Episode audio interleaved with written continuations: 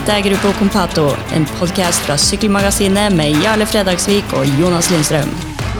Denne gangen her så har vi beveget oss fra live nede på Peloton. Jeg har dratt oppover til Oslo, mens du, Jarle, du har reist ned til Belgia. Ja, jeg sitter faktisk eh, nede i Alst, som er min eh, rolige lille lunge litt utenfor all galskapen som foregår eh, når det er Flandern rundt og andre sykkelløp. Du er rett og slett nede, altså du må litt ut av heksegryta mellom slagene, du. Ja, jeg syns det er deilig å trekke meg litt tilbake og bare stikke fra målområdet, kjøre litt oppover motorveien igjen og komme meg til et sted. Altså, Gent er en veldig kul by, da. Men da får du mye sånn stress med kjøringa hit og dit og all logistikken der. Alst er knøttliten. Eh, gode restauranter, trivelige folk. Et hotell jeg bodde på før. Hotell Astrid heter det. Eh, og generelt eh, god stemning. Jeg er veldig happy. Så du burde lage reiseprogram for de litt mindre stedene. De det ikke er lagd reiseprogram om tidligere.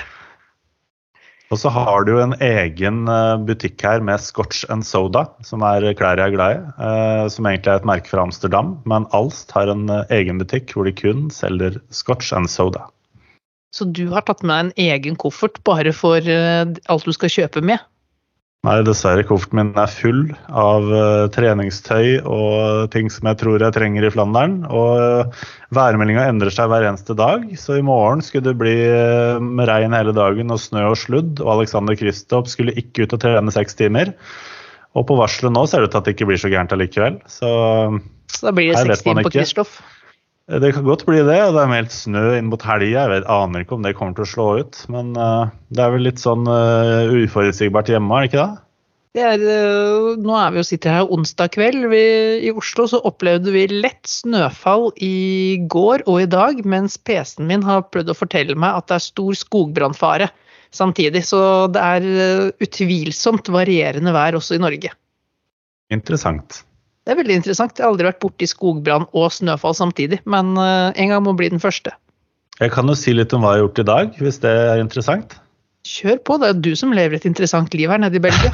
ja, altså Det interessante for meg starta egentlig i går. For da dro jeg til Varegem, henta ut akkreditering. Jeg tok en prat med Vegard Stake Lagen, som alltid er hyggelig. Og så begynte jeg å planlegge dagen i dag og tok bilen min og kjørte rundt. Altså kjørte til Klusbergen, der hvor all moroa ligger. Eh, prøvde å finne Kottetrøet. Prøvde å lage en slagplan sånn at jeg kunne stå på toppen av Kottetrøet i dag. For der skjønte jeg at det kom til å smelle. Under var Storflandern? Ja, og var samtidig litt på sightseeing i Odo Kvarmont, eh, altså sykkelhelligdommen. Jeg bare tok inn litt av inntrykket fra den hellige uka, som de kaller det her borte. Og um, ja, Det er deilig, men jeg føler meg også som en nisse. da. For sånn Jeg har vært der sammen med Gino tidligere, han kjenner jo det her ut og inn. Og jeg er jo bare en sånn uh, barkebille som flyr rundt og er forvirra. Føler du deg som ordentlig turist på tur? Eh, jeg vet ikke helt hva jeg føler meg sånn, men jeg skulle jo ønske at jeg kunne liksom vite at ok, høyre, venstre der og rett fram og under den dumpa og forbi bonden, og så er du ved den og den bakken. Altså, Jeg er jo ikke der. Men jo mer jeg ser, jo mer lærer jeg, da. Og så gikk det jo overraskende bra i dag når det var sykkelløp og jeg liksom kom inn der hvor jeg tenkte at jeg ville bli stoppa. Og vi var jo i det, i det samme området og så jo på en måte det som skulle vise seg å bli starten på avgjørelsen da, under Dwyer Store Flandern. Eh, og så jo der at Pogacar var litt på etterskudd. og men etterpå så fikk jeg høre at det hadde gått en velt og dill og dall, så jeg har ikke liksom jeg har ikke alt uh, av rittutvikling foran meg i hodet. og Man får jo med seg lite når man er ute i selve rittet sjøl, men de inntrykkene man får, sitter igjen med, er veldig konsentrerte da, og veldig, veldig ekte. Ja, Du får jo følelsen nå, det er jo ikke bare det er jo ikke bare at det er Flandern rundt, rundt, rett rundt hjørnet, det er jo også første Flandern rundt på lenge uten en haug med koronarestriksjoner. Jeg vet ikke hvordan det er i Belgia nå, men eh, det er i hvert fall på et helt annet nivå enn det det var i både 2020 og 2021. Ja, Forrige gang jeg var her, eh, det burde jo vært for lenge siden, men det var jo faktisk under VM da, i Løven. Eh, og da var det jo veldig strikt med munnbind når du gikk inn og ut av butikker, når du kom inn i hotellresepsjoner, og du fikk beskjed med en gang hvis du ikke hadde munnbind. Nå er det sånn når jeg intervjuer idrettsutøvere, så sier de du må gjerne ta på munnbindet, liksom, og det gjør de også. Og det har jeg respekt for. men Altså, fansen er tilbake, det stinker pommes frites, det er pils i glassene, folk står tett sammen. Eh, den gode stemninga er, eh, er, tilbake, og det er litt sånn morsomt eller eh, fint aspekt da, når vi liksom snakker om de to siste Flandern rundt, som egentlig har vært noe helt annet, for den folkefesten har uteblitt. da, Og nå kan rytteren igjen altså For en del av Uno X-gutta så er jo Altså, de har, de har jo ikke da de har jo ikke aldri opplevd dette? Nei, de har jo da heller ikke hatt den folketomme siden av det. Men uh, altså det trøkket som møter de, og vi var jo i det området i dag og så på de gigantiske VIP-teltene de har der. Uh, og, altså Der er det plass til mye folk. Det er jo bare svære jorder på begge sider, liksom. Så, og det er jo gøy. liksom, Vi snakka med folk i løypa som drev og fiksa sperregjerder og kom bort til oss og spurte ja, er det dere to som skal komme og hjelpe oss, og litt sånn belgisk humor. da, vet du. Eh, men vi var jo bare turister slash eh, journalist og fotograf, så det var, eh, ja, det var deilig å kikke seg litt rundt, da. Så bra. Alt ligger til rette for en heidundrende fest på søndag også.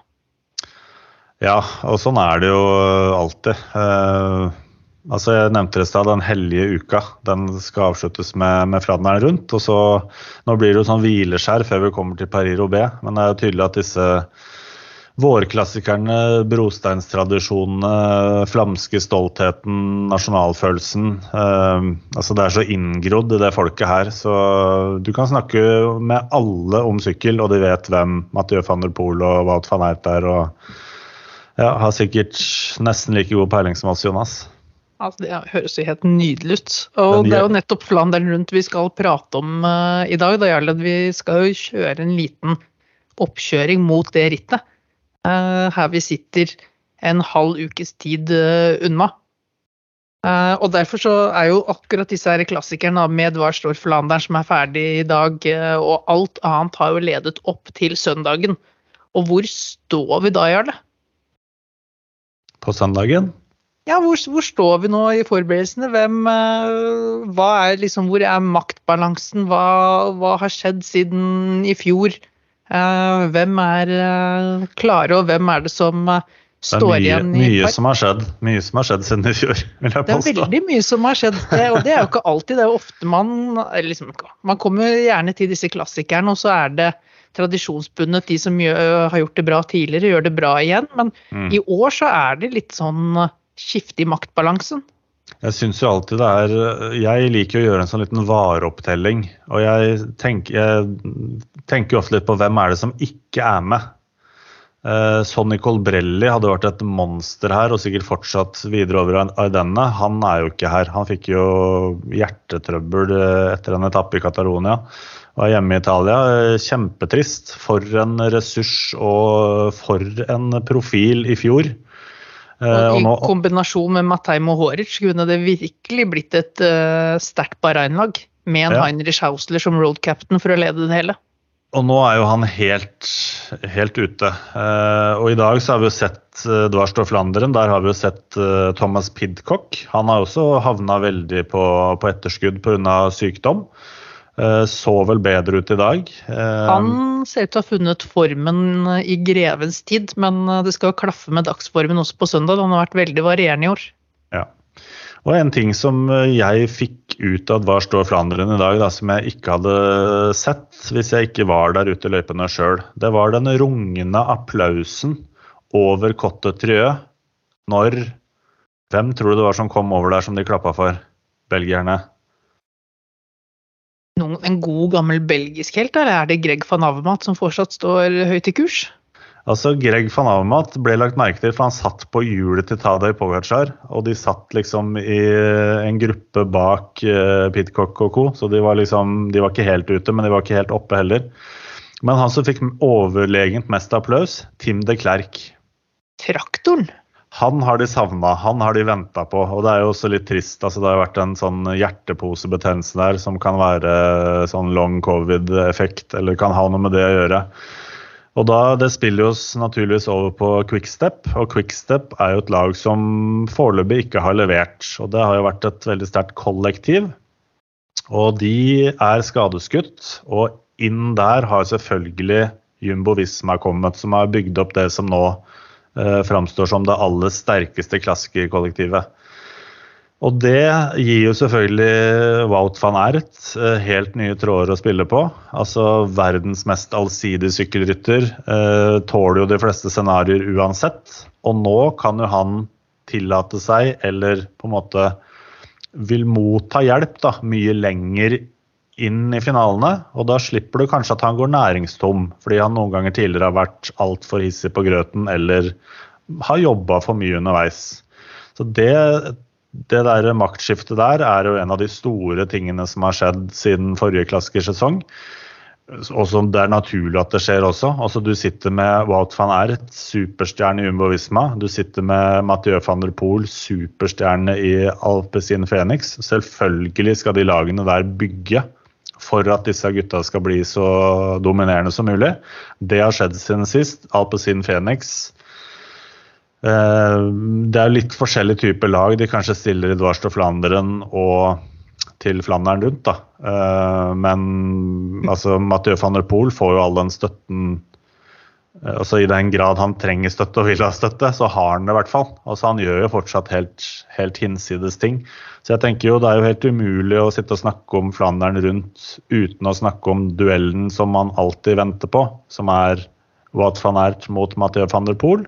Og så er det jo også det faktum at uh, Julian Alaphilippe er jo heller ikke en brikke i årets klassikere. Så og det spørs, det spørs om ikke Patrick Lefebvre tar og angrer litt på det. For uh, akkurat nå så ser jo Quickstep veldig, veldig skadeskutt ut. Uh, i den, altså, Navnmessig så er det jo ikke gærent. Altså, la oss ta lyspunktet først. da, For eh, Quickstep de har jo på en måte et lys som fortsatt brenner, og det er Kasper Askeren.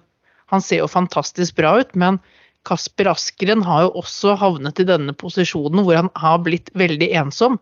Og hvor man ser hvordan en rytter som Kasper Askeren, da, ikke treg, men ikke like rask, ikke like eksplosiv, like punchy som disse her, hvordan han sliter med å avgjøre ritt til sin fordel da, mot disse øvrige gutta, når han er ikke bare eh, så er han ikke lenger i overtall, som de har vært vant til å være i Quickstep, men han har jo til og med kommet i undertall. Eh, en Stenek Stybar er ikke eh, der hvor han uh, pleier å være i det hele tatt, selv om han prøvde seg i dag i Dvarstor Flandern. Florian Senechal er ikke der. Yves Lampert er ikke der. Som du sier, Julian Alaphilippe er ikke med i det hele tatt. Davide Ballerini fortsatt ikke den ut, positive utviklingen i klassikerne som han viste i hvert fall i starten av fjorårssesongen. Så det quickstep-laget, og altså det er det mest likbleke gjengen Lefebvre har stablet på beina til Flandern rundt på mange, mange år. Samtidig så har de jo fortsatt Kasper Askren, da. Og det er jo det er et eller annet med det her at uh, når sirkushesten uh, kjenner duften av sagmugg, så pleier det på en måte å våkne litt til liv. Altså, jeg vil ikke sette ut quickstep og liksom si at uh, de er ikke med i det hele tatt i år, for Askeren kommer til å spille en rolle på søndag. Men jeg er veldig spent på om quick, hvordan Quickstep skal samle seg rundt Askeren, og hvordan de skal bruke det begrensede våpenarsenalet som de har eh, i år, til å gjøre livet surt for de andre. Han kom jo også litt eh, skeivt inn i klassikerne. Det var vel en covid-19 der òg, var det ikke det? Det er sant, men uh, i motsetning Nei, bare, til noen andre, tenker... så var han fryktelig raskt tilbake igjen. Ja, og jeg tenker at uh, foran Strade Bianche f.eks., så var det jo ikke noen forventninger til Askeren, men der overbeviste han så veldig. Yes. Uh, og jeg, jeg, tror kanskje ikke at uh, hadde ikke det skjedd, så hadde altså, Han har jo sett bra ut i Gent Wevelgem bl.a., og han, han, er jo alltid der. Han er uh, alltid der. Og så er det jo hvordan skal han klare å avgjøre det til sin fordel. Og det er jo som du sier, det kollektive, å spille på flere og sende ut én mann, og da får dere ta den og ta den og ta den. Det har jo vært måten de har vunnet på. Og jeg tenker, jo, jeg tenker jo egentlig at uh, det de trenger, uh, er jo en spurter. Men det er jo ikke det heller, på en måte. De har jo det, men du trenger en som på en måte kan straffe de andre da, i det selskapet der. Og det er veldig vanskelig når det er ryttere som van de Poel og van Art som åpner disse finalene fra langt hold. Ja, og det, det, jeg tenker der er jo at det Kasper Askeren trenger, er noen som gjør livet hardt og tøft og brutalt. Og det er jo der hvor han mangler det i form av lagkamerater i år, da, så får han jo det tilbake igjen på søndag i form av løype, lengde. Altså Flandern rundt er tross alt en helt annen, et helt annet nivå av brutalitet enn det de har møtt uh, til nå i de andre klassikerne.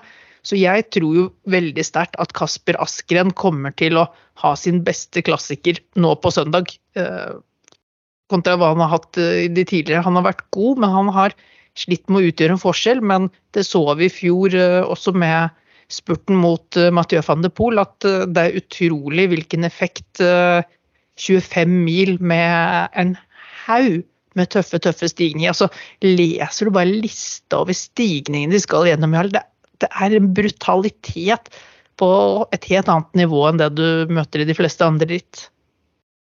Ja, og det er jo egentlig E3 Harlbeke er jo generalprøven foran Flandern rundt. Der har du jo Altså Avgjørelsen der over Paterberg, eh, det skilte jo Clinton fra hveten, for å si det sånn. To Jumbo Visma som stakk unna, og Mats Pedersen var blant de som ble eh, kjørt unna.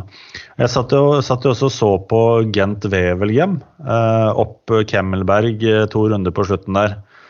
Og et par ting som jeg satt igjen med etter det, var jo det rykket til van Herret oppover der. Altså, som for som... en gangs skyld satt litt ja. dårlig plassert inn i bakken og likevel går over med en luke. Ja, og du tror det var enormt. At, eh, du, tror at du, du, tror at det spilles i rask film. Altså her er det et eller annet som er gærent. Uh, og jeg tror også det løpet for han, det dreide seg litt om nesten som kosetur. Teste beina på Kemmelberg. Og så tror jeg ikke det var meningen at han skulle prøve å kjøre solo inn. Jeg tror ikke det var strategien. Og så ble det så du, altså han eh, Laporte fikk sin eh, sjanse mot slutten. Eh, noe som var, var, veldig fortjent. Men det som også skjer bak der, da, det bør jo sende ildninger nedover ryggen på danskene. fordi der er jo danskene i kø i sjiktet rett etter uh, Wout van Ert. Og sånn har det jo sett ut i flere av disse oppkjøringsrittene. Mats Pedersen, Kasper Askeren og Søren Krag. Som ikke skal kjøre Flandern rundt? Av en eller annen merkelig grunn. Altså, det, er, det, er, så mye rart som skjer med disse danskene. Altså, først så skulle ikke Mats Pedersen egentlig kjøre Milano San Remo, selv om de fleste mente at han var blant storfavorittene. Kom han jo inn for å erstatte Stoiven, og nå skal ikke, nå skal ikke Søren Krag sykle Flandern rundt. Altså, hva er det med disse danskene og og deres mangel på iver etter å vinne disse monumentene. Og Binyam Girmay er hjemme i Eritrea, så han får heller ikke se. Han skal hjem til kone og barn. Det tror jeg også har litt med, med visum og hvor lenge han kan oppholde seg i Europa og dill og dall å gjøre. Utrolig nok utrolig nok, men samtidig, og det er, det er, en ung rytter som Det hadde vært et enormt press og en oppmerksomhet rundt han på søndagen, så i det lange løp så er det ikke sikkert at det er det verste som har skjedd, at han ikke stiller til dagsdag på søndag, selv om det har vært en uh, fantastisk rytter å følge. Vi har jo en mann som heter uh, Alexander Kristoff. Uh, er det noen forhåpninger der i det hele tatt? Altså han han er jo ikke eh, dårlig, men eh, det, det, det, spilles liksom ikke helt opp til hans eh, styrke lenger. Nei, det, og der syns jeg du er inne på et godt poeng, for Alexander Kristoff er i ganske god form, syns jeg det ser ut som. Og han prøver seg, men det er knapt noen klassiker lenger som ikke avgjøres i bakkene. Tidligere har det blitt avgjort på det spillet mellom de som går raskest i bakkene, og de som har en god spurt. Eh, det taktiske spillet om å hente igjen. Når først støtet går nå, så går det for godt. Og det, sånn føles det som at det er hver eneste gang. Tidligere så var det mange som forsøkte, og det ble henta litt inn. jeg vet liksom ikke helt det er, hvordan det har blitt sånn. Eh, for jeg syns jo ikke at sykkel er helt det eneste idretten heller. Altså, du hadde denne tidsperioden hvor Alexander Kristoff var på topp. Eh, en vass spurt. Vanskelig å riste av seg. Eh, han og hans type ryttertype fikk mange muligheter. Det samme så du litt i langrenn også. Petter Northug vant femmiler hvor det plutselig var 20-30 stykker som spurtet på den siste kilometeren. Nå har man gått litt bort fra det. I sykkel så er det nå angrep tidlig når en tar det på Ågarskjær, Mathieu van de Poel, Wout van Art. Alle disse her som går til. I langrenn har du det samme også. Femmila Kollen ser ikke ut som den gjorde for fem til ti år siden, den heller. Så, så et eller annet i kondisjonsidretten som enten gjør at det er et større skille mellom nummer én og nummer fem enn det var tidligere, eller så er det en større bevissthet hos nummer én at eh, de faktisk har uh, den fysiske kapasiteten til å male i stykker nummer fem. At man ikke ser seg liksom blind på taktikk og setter sperre for seg selv som man gjorde tidligere. Jeg vet ikke hva det er, men nå er de så trygge på seg selv, de som er best, at de lager så harde sykkelritt at de som trenger at det blir litt taktisk spill og samler seg på slutten, det er ikke deres tid. Men et spørsmål som kunne vært litt spennende der, er jo om Team Kristoff på en måte har tatt konsekvensen av det og på en måte jobba hardt nok for å utvikle sykkelrytteren Alexander Kristoff i en litt annen retning. Eller har han på en måte kommet så langt som han kan? Altså, Vi, vi snakka jo da bare vi, jeg og du Jonas og noen andre, brydde oss om Alexander Kristoff. Så var jo målet i framtida at han skulle bli mer som Peter Sagan. Som kunne ja. akselerere og animere rittene på egen hånd og på en måte være mer en aktiv part.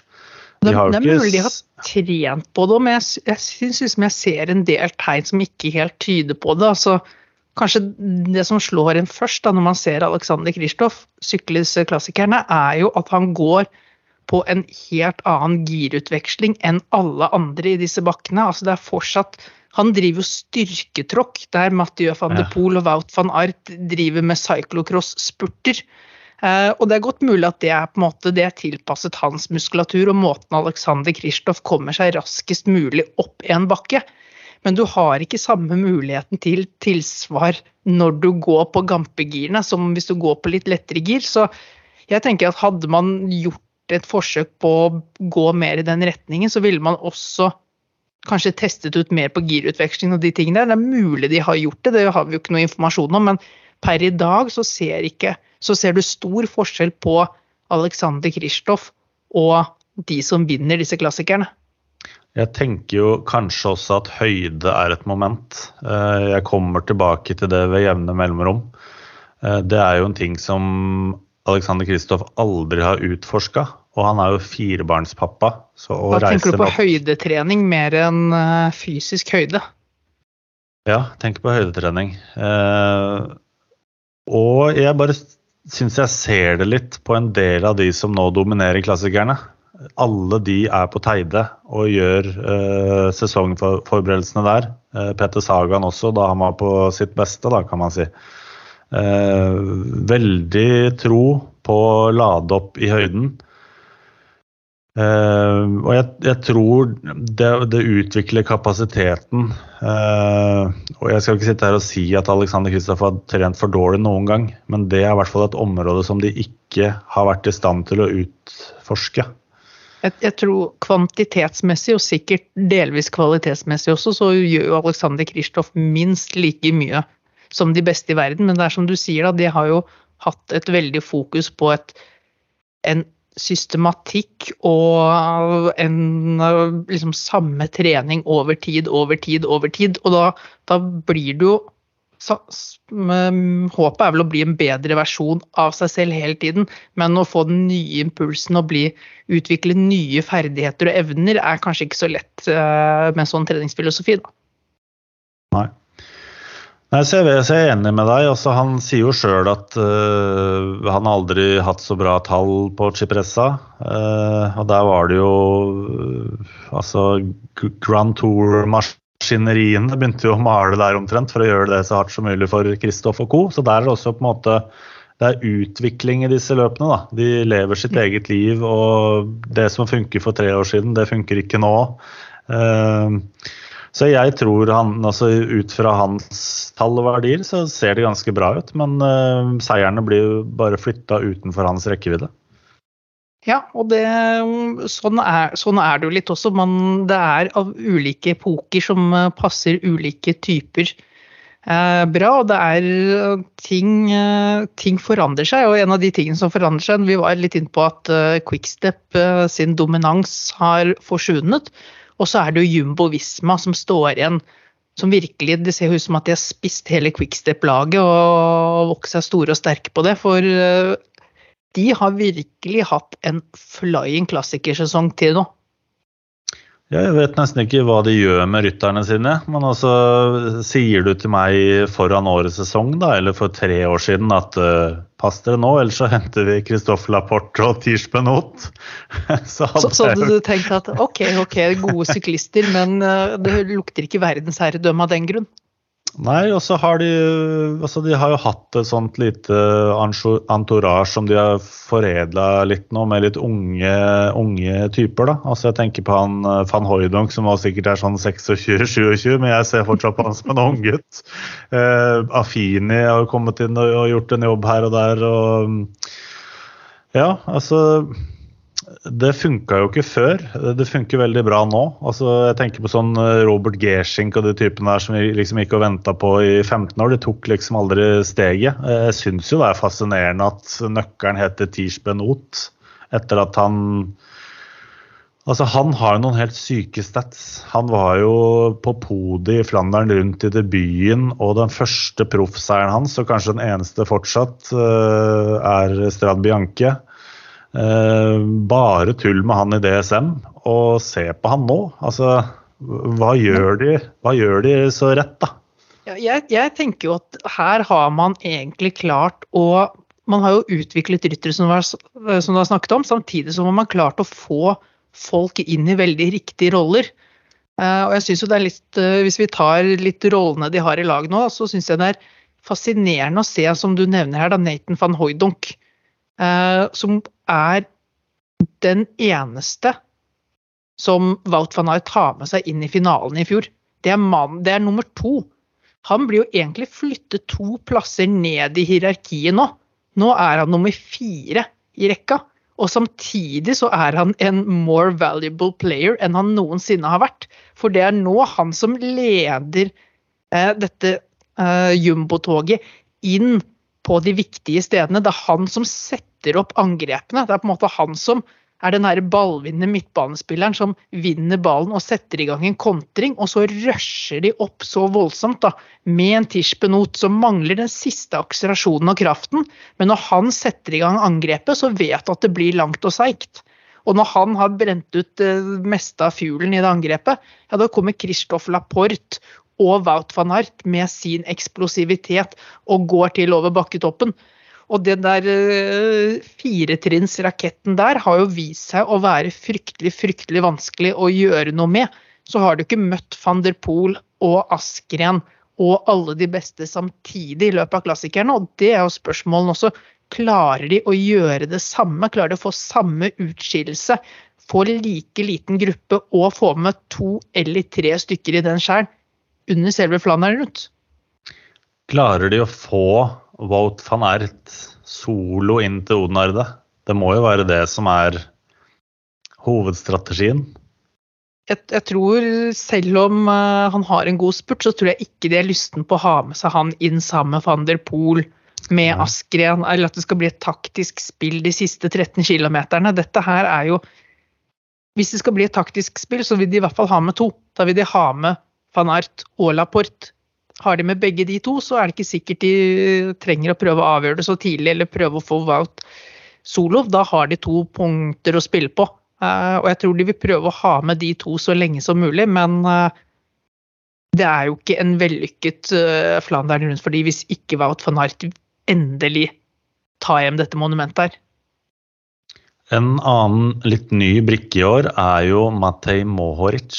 Hvordan syns du det er å se han eh, i front av disse rittene? Og har han noen sjanser til å gå på noe stunt fra lang distanse, eller hvordan skal han gjøre det hvis han skal vinne Flandern rundt?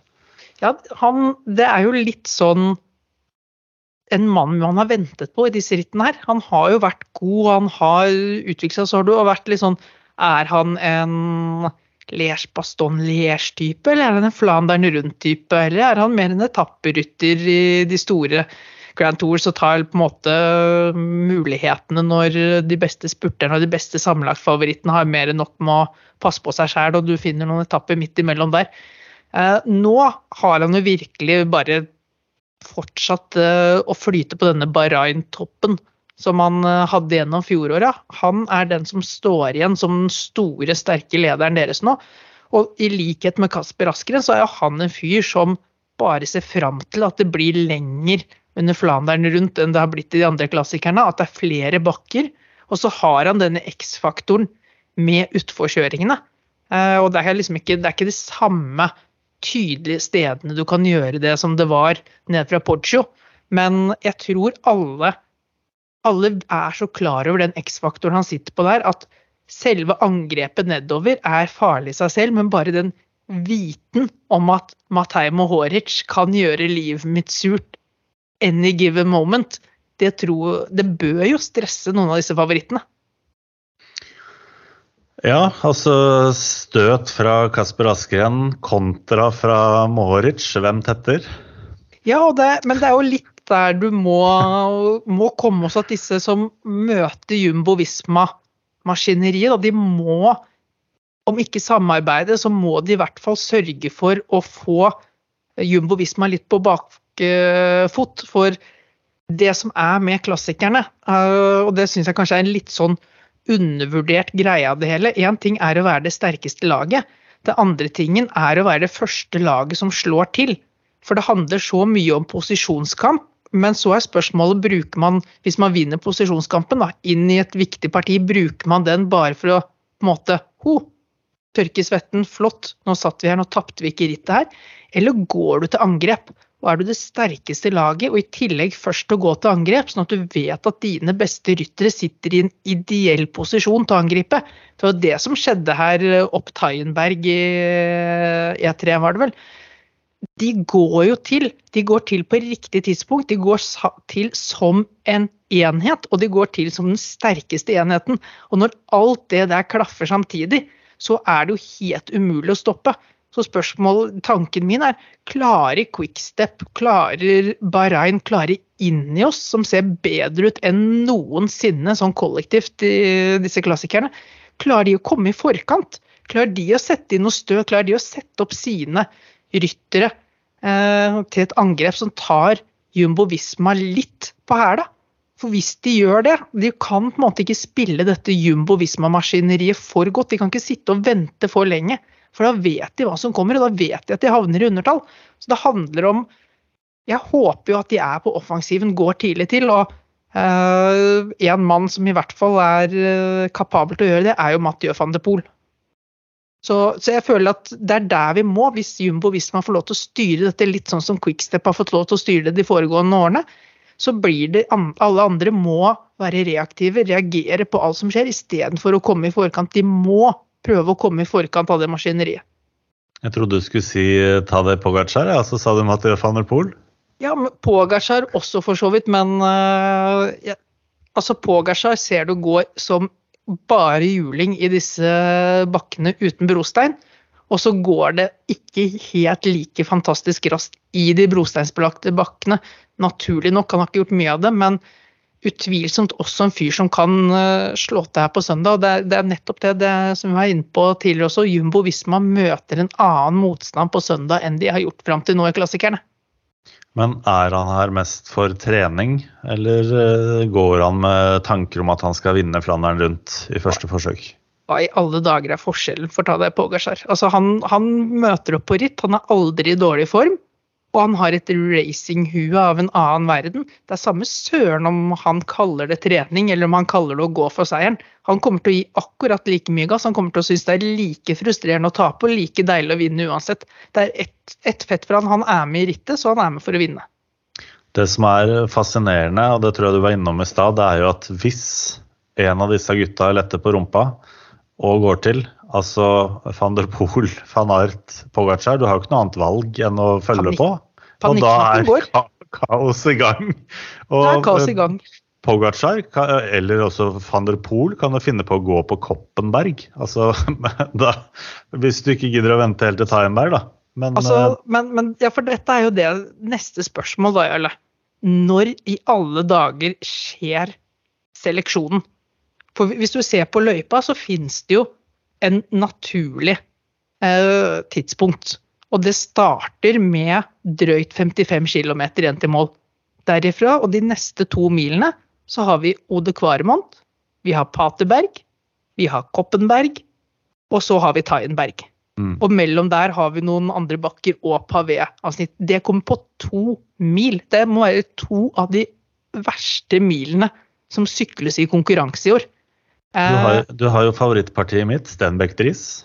ja, men, men tror du de venter altså, Det hadde vært naturlig å bruke denne perioden, for det er den hardeste, men tror du de venter til eh, 55 km igjen til mål? Eller kommer den til å smelle enda tidligere? Nei, altså Det er ikke godt å, å si det. Altså eh, Du har Berendris, Falkenberg og Bergten Hoot med sånn 9-8 mil igjen til mål. Det er faktisk mulig at noen altså, Det er jo bakker man tidligere med en distanse igjen til mål man ingen ville tenkt tanken på å prøve seg på noe annet enn å komme i forkant av rittet. For på det tidspunktet tidligere disse mellomgruppene gikk. Men for at de ikke skal bli et faktor i spillet, så har jo de beste begynt å gå så tidlig. Altså Nå har vi jo ikke Mur van Gerhardsbergen lenger, men der gikk jo Philippe Gilbert i 2017. Da var det ni mil igjen. Eh, Og da var det en sinnssykt sterk gruppe som, som dro til. Og den er jo så tøff òg, så der kan de jo gjøre det. Nå er jo ikke den borte. Eh, vanligvis venter man jo inn Tyenberg, men eh, eh, à Philippe og Mathieu van der Poel de gikk jo til på vei inn mot Stenbeck Dries.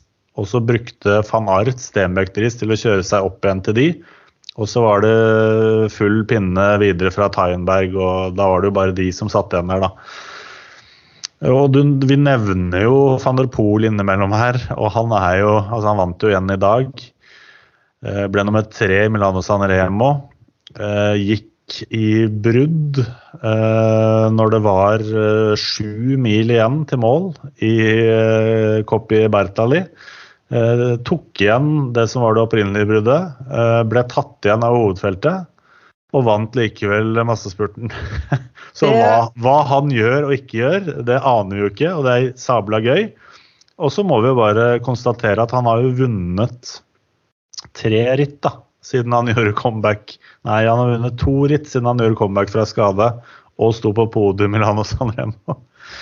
Det er ikke gærent. Sånn, han er jo tilbake for fullt, og dette her er jo det, det, er- det som gjør det så spennende, da, for du har dette, disse maskineriene, og så kommer disse enerne fra de andre lagene inn.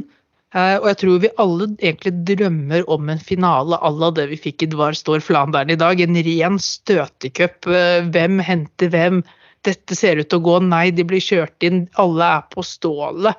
Og i knestående etter at de kommer over mål. Det er jo det man drømmer om i slutten av Flandern rundt også. Har du tro på at det er noen nordmenn som kan melde seg på? Altså Han som har vært nærmest å gå etter og sitte i de riktige gruppene, er jo Rasmus Tiller. Han har litt sånn Markus Holgaard-sesong à la 2021. Og da vi jo, begynner vi å komme inn på Uno X også, som er et annet punkt jeg tenkte vi må snakke om. Og Rasmus Tiller er i min bok utvilsomt det store norske håpet.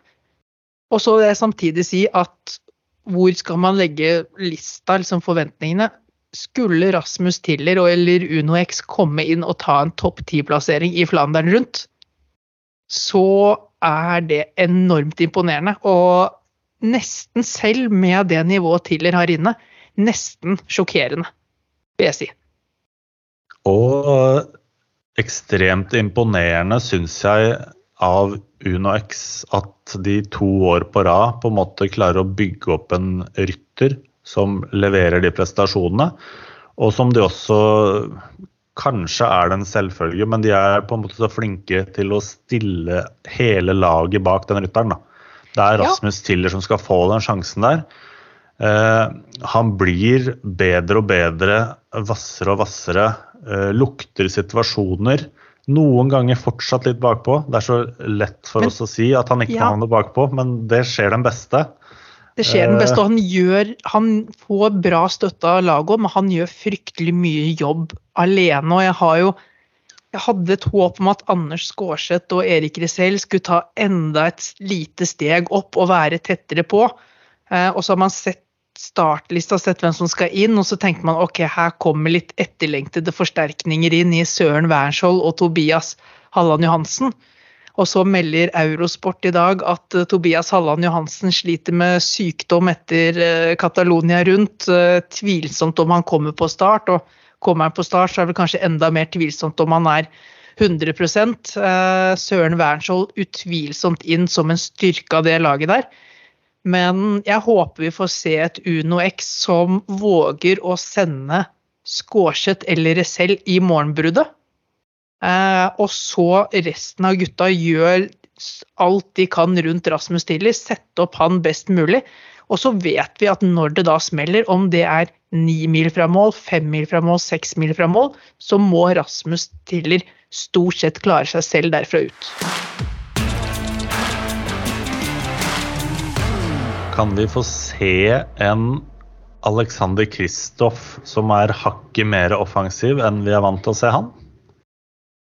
Ja, men da kommer vi også inn på spørsmålet hvor mange muligheter får man til å være offensive?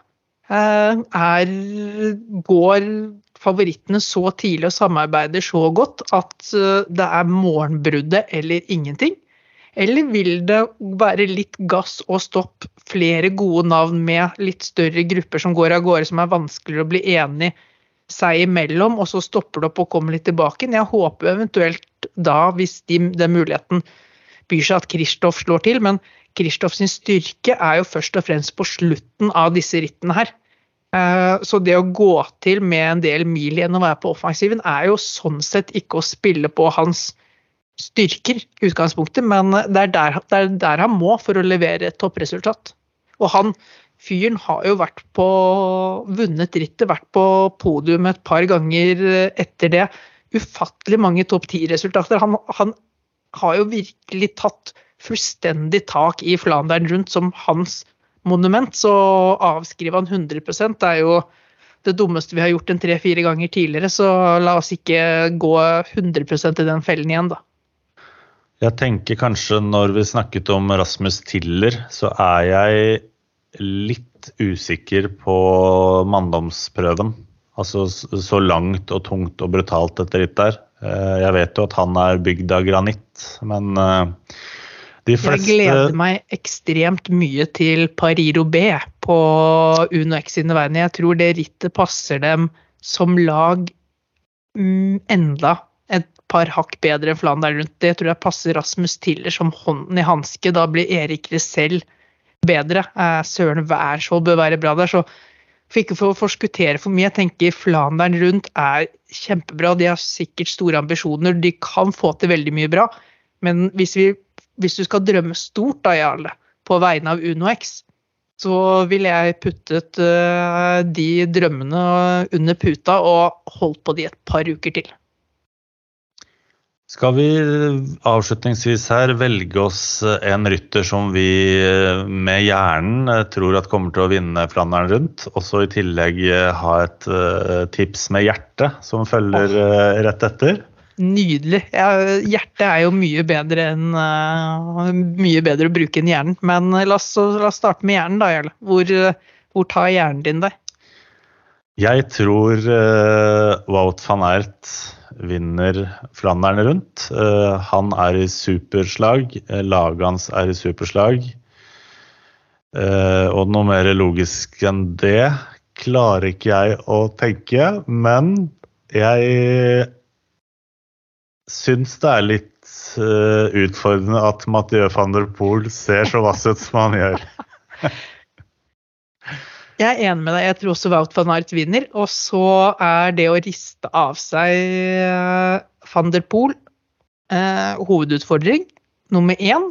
Hovedutfordring nummer to for eh, van Aert sin seier er at det er en stor fare for at Christophe Laporte kan ende opp i et avslutningsbrudd sammen med en betydelig dårligere avslutter og at Jumbo Visma havner i en posisjon hvor de må godta det scenarioet framfor at uh, van Art får kjempe om det. Men det er Flandern rundt, det er steinhardt. Det er sjeldent at ikke de aller beste gjør opp om seieren seg imellom. Så til syvende og sist, det blir en duell mellom de beste av de beste, og Wout van Ert er bitte lite grann bedre enn de beste, andre beste for tiden. Hvis jeg skal velge meg en favoritt med hjerte, så forventer Jonas at jeg sier Antony Turchi. For han er jeg veldig glad i. Eh, men Har du fått en, En- ny en som jeg også syns fortjener det, og nå er jeg også litt inne på hjernen, for jeg syns han ser bra ut, og jeg syns det hadde vært veldig gøy hvis han vant, er Mats Pedersen. Ja. Da, du, du har to kjærligheter i livet. Det er Antony Turchi, og så er det dansker. Og Alex Kirsch. Jeg trodde du bare hoppet på det der Kirsch-toget fra andre. Du er ikke lokføreren i det toget der. Jeg elsker Alex Kirsch. Hvis jeg skal velge med hjernen, nei, med hjertet Altså, hjertet skriker egentlig alltid Mathieu van de Poel. Eh, jeg skrev dette i The Varsel Flandern. Det er, et eller annet, det er bare en eller annen måten han vinner på. Det er noe med Jeg vet ikke om han viser litt mer sånn menneskelighet, dødelighet, på en eller annen merkelig måte enn andre folk. At han, han har mer karisma, eller han på en måte har han følelsene utenpå kroppen. Du ser på ansiktsuttrykket, ser på måten han sykler på at dette gjør vondt, og han tar i. Men jeg skal gå en helt annen vei, Jarle. Og jeg skal sende hjertet til eh, Jeg skulle gjerne sett oppi den her nye måten å sykle på, at man kunne vinne det på en litt gammeldags måte. Og det er én mann som er verdensmester i å komme seg i forkant i Flandern rundt og det er Dylan van Barle. Ineos ser fryktelig bra ut som lag, det beste jeg har sett de. Eh, altså de har Hvis vi snakker om hva Jumbo Visma har gjort med rytterne, hvordan i alle dager har Ineos fått eh, Ben Turner, eh, Magnus Sheffield, Jonathan Navares til å se ut som flamske guder, flankert av Tom Pidcock. Og med alle de der på, så er det bare å stikke ut høyre på når feltet ligger til venstre, og så komme seg av gårde for Dylan van Barle.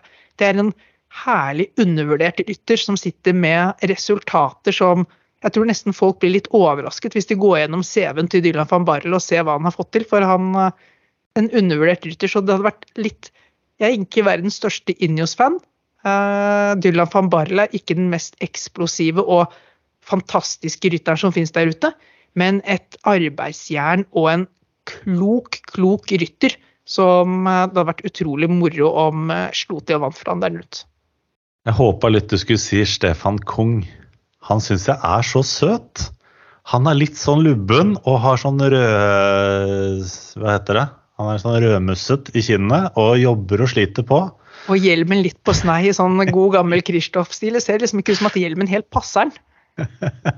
Så det er bare han, ja, han er søt, men han, han også blir jo bare bedre og bedre i klassikerne. Og så har han jo ikke et arsenal av våpen han kan trekke fram. Men eh, jeg, altså Han vinner ikke fra den rundt, men jeg håper han får seg en eh, fin seier snart.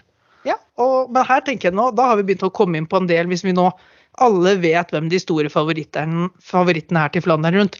Og så har vi vært innpå her, da. Du har litt Mohoric i bakgrunn. Vi kan trekke fram en Viktor Kampenarts. Eh, vi kan trekke frem eh, dette Injos-laget med da kanskje van Barle og Navares, eh, om han er tilbake igjen etter velten i Gent Wevelgem, som litt sånn outsider-bettene. Du har en Turski som eh, ser sterk ut. Så du har noen av disse her som ikke tilhører helt storlagene, men som ligger bare rett under overflaten og med en knalldag eh, på alle, Hvis alle forutsetninger går deres vei, kan gjøre det helt strålende på Flandern ut.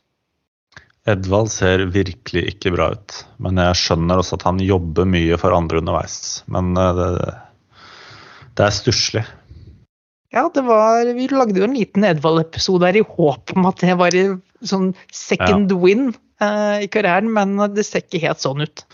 En annen ting som slo meg etter at jeg hadde snakka med Sven Erik Bystrøm, som har hatt en veldig tøff periode på privaten og med sykdom Han var jo smashing ut av Algarve, og så går Så det bare det. ja, Men altså, nå, Norge så alt- fantastisk ut her i starten av sesongen. Edvald Yes. litt grann på gang. Kristoff god seig som han alltid er. Bystrøm som så fantastisk ut. Det føltes som at vi for halvannen måned siden satt full av håp, og nå sitter vi og, og setter vår lit til Rasmus Tiller og et, et, eh, et lite guddommelig eh, trekk som gjør at Alexander Kristoff plutselig er tilbake igjen og kjemper i, i den klassikeren han er aller best i. Hvordan, det er mer vet- håp enn tro. Du vet jo hva jeg skal, eh, Jonas. Hvordan skal du eh, nyte Flandern rundt?